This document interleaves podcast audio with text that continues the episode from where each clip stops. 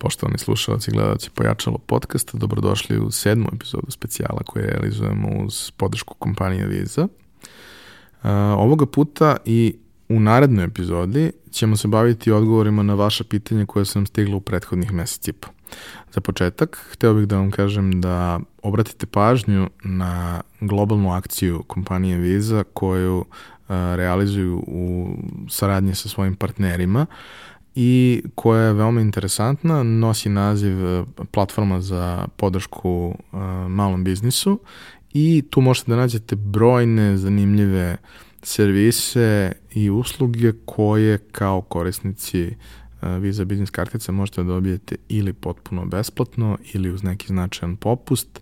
Neke od tih stvari su realizovane i sa nekim bankama, pa možda ako imate sreće možete da dobijete i potpuno besplatno internet prodavnicu ili nešto slično, pa se informišite definitivno o tome. E sad, za ovih meseci po dana došlo je dosta zanimljivih pitanja od vas i ja sam uh, odabrao nekoliko kojima ćemo se baviti. Svi ste dobili odgovore. Ovaj, a ova pitanja koje sam odabrao, odabrao sam iz razloga što verujem da uh, su nešto što većem broju vas može da znači, odnosno da su to neki od tema koje zanimaju malo širi spektar ljudi. I prvo pitanje je kako da testiramo proizvod pre izlaska na tržište. To je dosta često pitanje. I to je nešto na čemu značajan broj ljudi pravi greške. Mi smo kroz pojačalo imali e, dosta gostiju koji su e, radili razne vrste proizvoda kakvi pre toga nisu postojali na tržištu. Kod takvih proizvoda je vrlo bitno da istražite da ne biste pravili nešto što je super, ali nikome ne treba. I tu ima nekoliko stvari. Možete da krenete od kruga prijatelja. Možete uvek da testirate u krugu prijatelja, ali nemojte uzimati krug prijatelja kao relevantnu ciljnu grupu i, i bilo kakav feedback. To su prijatelji. Čak i ako se potrude da budu objektivni, vrlo verovatno vam neće reći iskreno šta, šta zaista misle o samom proizvodu. Ili će biti pri stavu da to što neko njima važan i drag pravi nešto je svakako super i oni će vas i podržavati i možda će i kupiti taj proizvod kada krenete, ali to će oni uraditi zbog vas, a ne zbog proizvoda ali krenite sa njima, dođite do toga da oni budu zadovoljni, ali onda obavezno proširite krug ljudi sa kojima radite istraživanje. Probajte da identifikujete ko su potencijalni kupci vašeg proizvoda i probajte da ih nađete. U slučaju recimo uh, aplikacije Mile Cviko, odnosno Vozi app, Vlada Šijaković je išao na pumpe i startovao ljude koji voze automobile koji su otprilike takvi da može da zamislite ljude kao korisnike svoje aplikacije i pitao ih stvari. Možda to malo deluje čudno kad čovjek dođe i pita vas nešto, ali to su ljudi koji vas ne znaju, koji nemaju razloga da vas lažu i koji će vam reći da li je nešto dobro, da li je nešto jasno, da li stvari funkcionišu na predvidljiv način, da li umeju da koriste vaš proizvod. E tako isto i ako pravite neki proizvod koji je za masovniju upotrebu, uh, sigurno možete da dođete do ljudi koji nisu vaši neposredno najbliži. Možda je to uh, ekipa ljudi sa kojom neko od vaših prijatelja radi, koji može da, da vam napravi kontakt, ali vi onda obavezno naglasite voleo bih da dobijem jedan objektivan feedback. I razmislite šta ćete da ih pitate. Ali jedna od najvažnijih stvari koje, koje možete da ih pitate nije da li vam se ovo dopada nego da li ste spremni da izdvojite novac za ovo.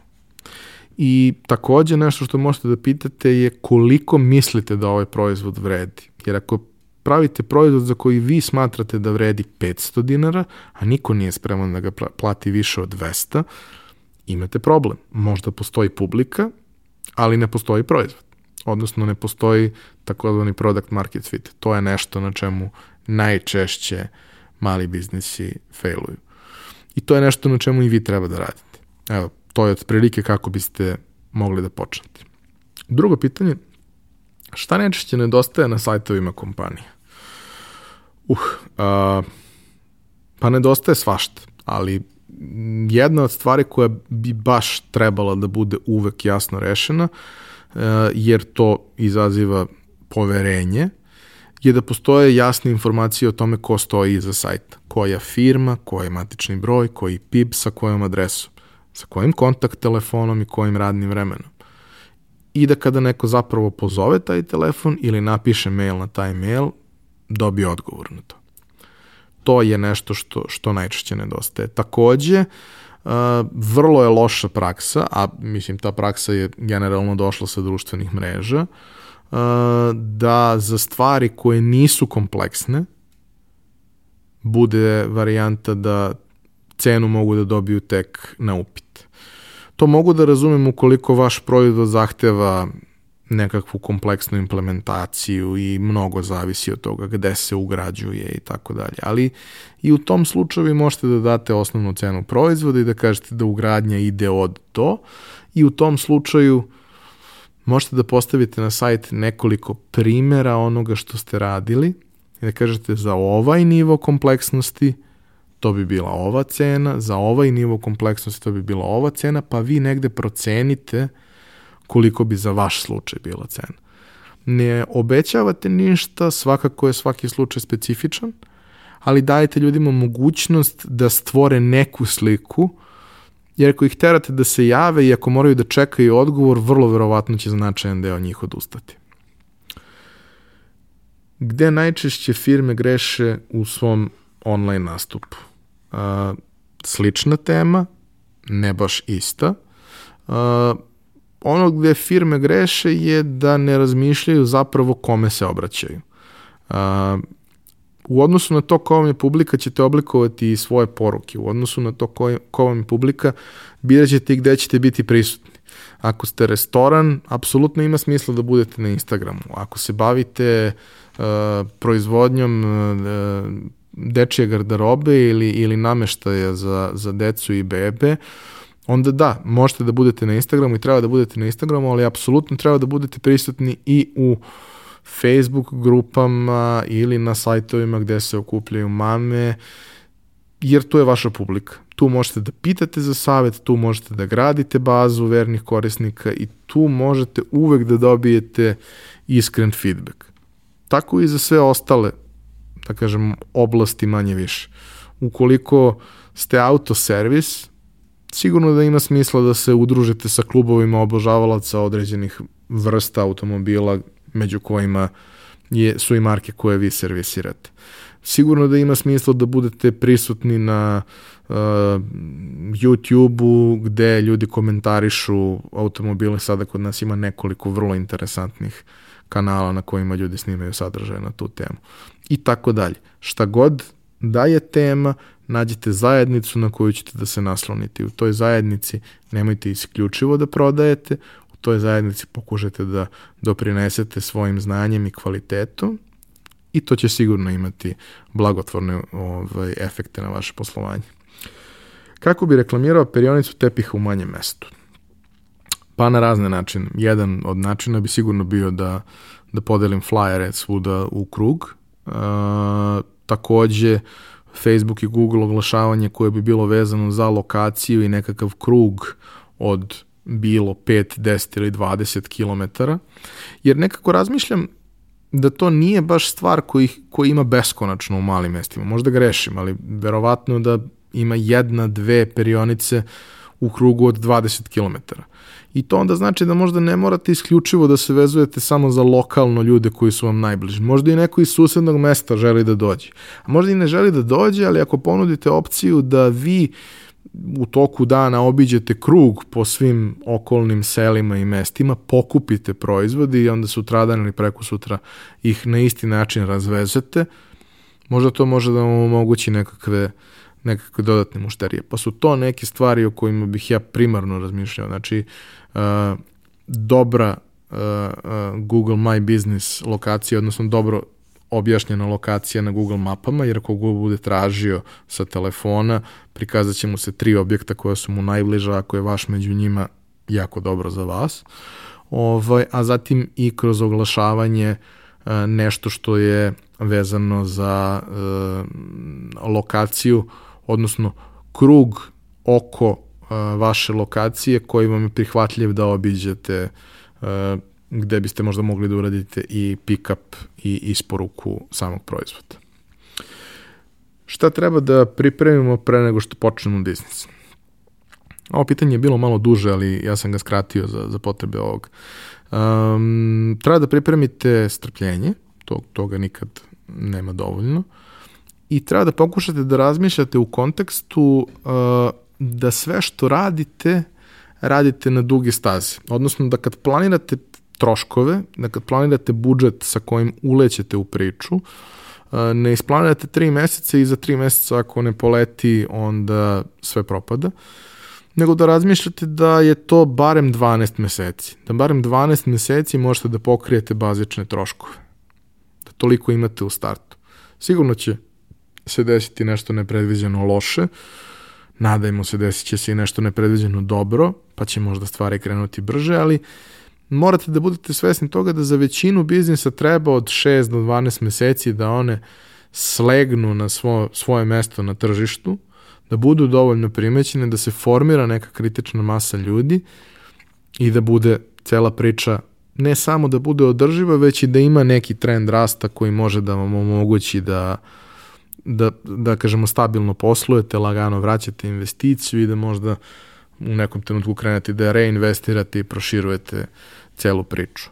E, takođe, vrlo je bitno da se jako dobro informišete i moj savjet je uvek da pričate sa ljudima koji su u sličnom biznisu. Uh, naravno da ne želite da pričate sa ljudima koji su vam direktna konkurencija, odnosno vi možda i želite, ali oni gotovo sigurno ne žele da pričaju sa vama. Ali možete da se raspitate kod nekog koji je u sličnoj poziciji. Možete da probate da nađete nekog koji ima dodira sa tim poslom, naročito ako vi prethodno niste. Ne biste li nekako dobili jasniju sliku o tome šta je to nešto što vi radite? Pošto u idealnim okolnostima svaki biznis treba da ima nešto što se zove USP, odnosno Unique Selling Proposition, odnosno jedinstvenu prodajnu ponudu. Odnosno, ono što vas čini različitim u odnosu na sve ostale koji se time bave. Vi možete da budete još jedan potpuno isti kafić u kraju, ali onda je ono što, što najbolje možete da očekujete da prođete kao svi potpuno ostali isti kafići u kraju. A u suštini, uh, uvek se borite za jedan isti kolač i samo ćete učiniti to da i ostali, a i vi dobijete manje parče tog kolača. Ali ako budete drugačiji, onda tu možda možete da napravite neku razliku. Pitanje je da li ta, taj vaš drugačiji pristup znači i nešto bolje ili ne. Možda to što ste vi drugačiji nikome ne treba, ali razmišljate o tome da ne morate uvek po svaku cenu da se borite isključivo sa cenom proizvoda ili cenom usluge, već da možete da pokušate i nešto drugo. Vi možete da budete bravar i može da bude vaša komparativna prednost u odnosu na ostale to što izlazite na teren, to što možete da radite neke druge stvari koje drugi ne mogu da rade, to što ste dostupni 24 sata, to što možda neke od stvari ste spremni da uradite tako da možda imate i nekakvu isporuku ili nešto slično. Možete da budete malo drugačiji od svih ostalih i ako ste malo drugačiji od svih ostalih možete da očekujete da ćete imati i malo drugačije rezultate od svih ostalih. A to obično nije loše. Sledeće pitanje je da li popusti i akcije imaju smisla za povećanje prodaje? Mm, zavisi i sa time treba biti vrlo pažljiv. Zašto treba biti pažljiv? Zato što jednom kada ponudite neki proizvod po nižoj ceni, bit će vrlo teško prodati ga po staroj ceni. Odnosno, može to i da ne bude toliki problem, ali onda morate vrlo jasno da iskomunicirate zašto je taj proizvod sada jeftiniji. Da li je to zato što ističe rok trajanja ili je to neka posebna akcija novogodišnja ili nešto slično ili je to posebna cena u slučaju da neko kupi više komada proizvoda.